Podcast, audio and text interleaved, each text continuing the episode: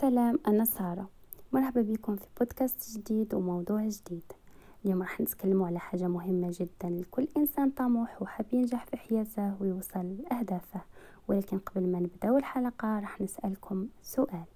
هل تحس روحك تتحمل مسؤولية حياتك الحالية ونجاحك الحالي أو فشلك في الحياة بنسبة مية بالمية؟ أو تتقاسم هذه المسؤولية مع ظروفك أو مع أشخاص محيطين بك ولا حتى مع بيئتك؟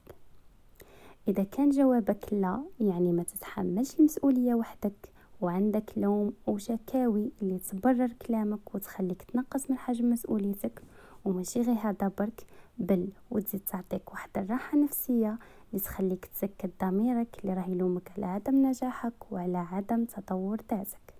فهاد البودكاست ليك أنت بالذات. في الأول اسمح لي نقول لك باللي الظروف الصعبة اللي راك عايش فيها وممكن حتى تربيتنا الخاطئة اللي ما قامتش على أسس صحيحة ومتينة مجتمعنا السلبي تعليمنا الفاشل إلى حد ما الفساد اللي رانا نشوفوه يوميا وغيره من الأشياء السلبية المحيطة بنا اللي راك تتقاسم معها مسؤولية فشلك وتبرر بها. ليست إلا حجج تدل أولا على سلبيتك في الحياة وعدم جديتك لتحقيق أهدافك.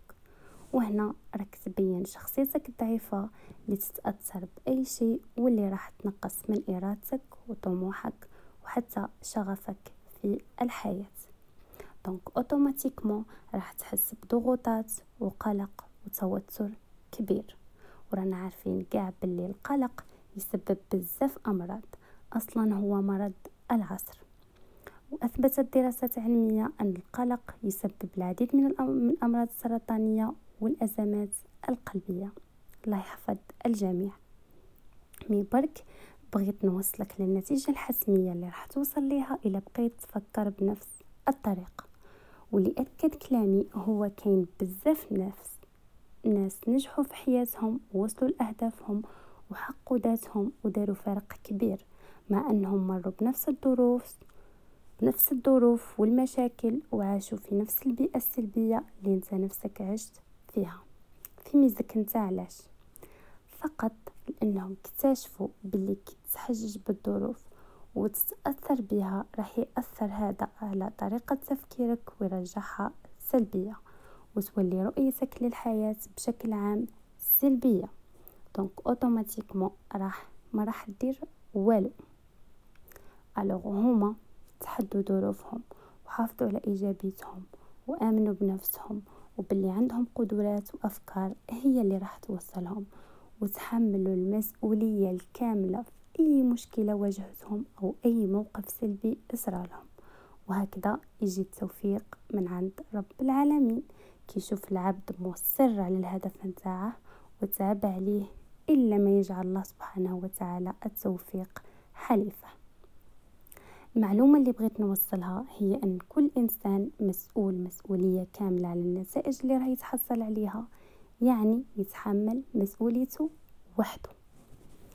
باش نبسط الموضوع أكثر وتوصل فكرتي أكثر راح نمثلوك بربان سفينة والسفينة هذه هي حياتك وأفكارك وأهدافك وأي حاجة راك باغيها في الحياة.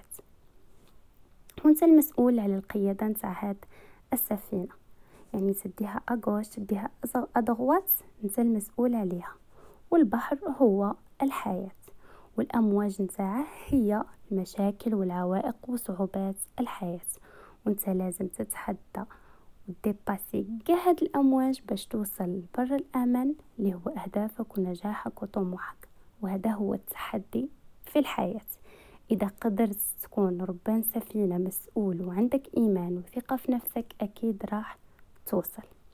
Donc خلي عليك هاد الشكاوي والتحذر وال justifications تاع فشلك لأن الرسول صلى الله عليه وسلم اللي نعتبره قدوتنا في الحياة وصانا إذا صرات لنا حاجة ماشي مليحة ولا ما راناش باغيينها ما نتحسروش ونقولوا له كان وكان.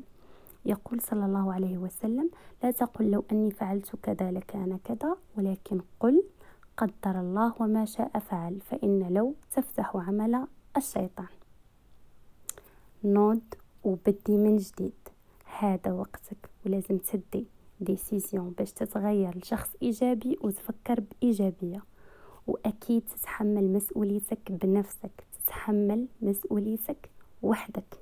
وصدقني النجاح ماشي مرهون بتحسن الظروف والأوضاع وإنما مرهون بإيمانك بنفسك قدراتك والقوة نتاعك باش تواجه أي حاجة تكون عائق لوصولك. حتى لهنا حاب كملت حلقتي. نتمنى أي إنسان سمعني يكون تأثر ولا فتو ولو شوية. وإن شاء الله يا ربي أي واحد عنده هدف في الحياة ولا طموح نبيل في الحياة إن شاء الله يوصل. أكيد أكيد توفيق من عند رب العالمين. ما بقى لي غنقول لكم في أمان الله إلى حلقة جديدة.